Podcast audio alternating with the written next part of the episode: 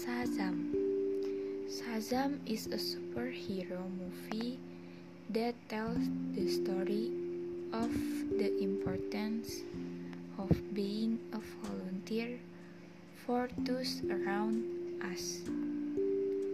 Billy Batson, an orphan who got magic power from an assigned magician.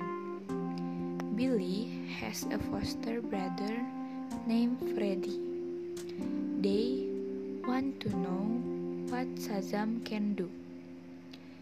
In this film, finally Billy, Freddy, and Shazam come together to show the importance of family in a warm and touching way. Shazam is a superhero film with lots of comedy scenes. Even in times of danger, this film imposes both character and stories for sake of jokes. Lots of surprise in this film.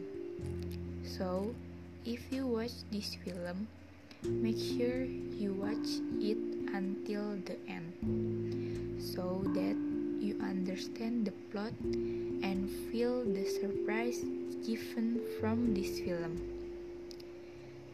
This film is suitable to watch with family, even small children who like superheroes might like this film.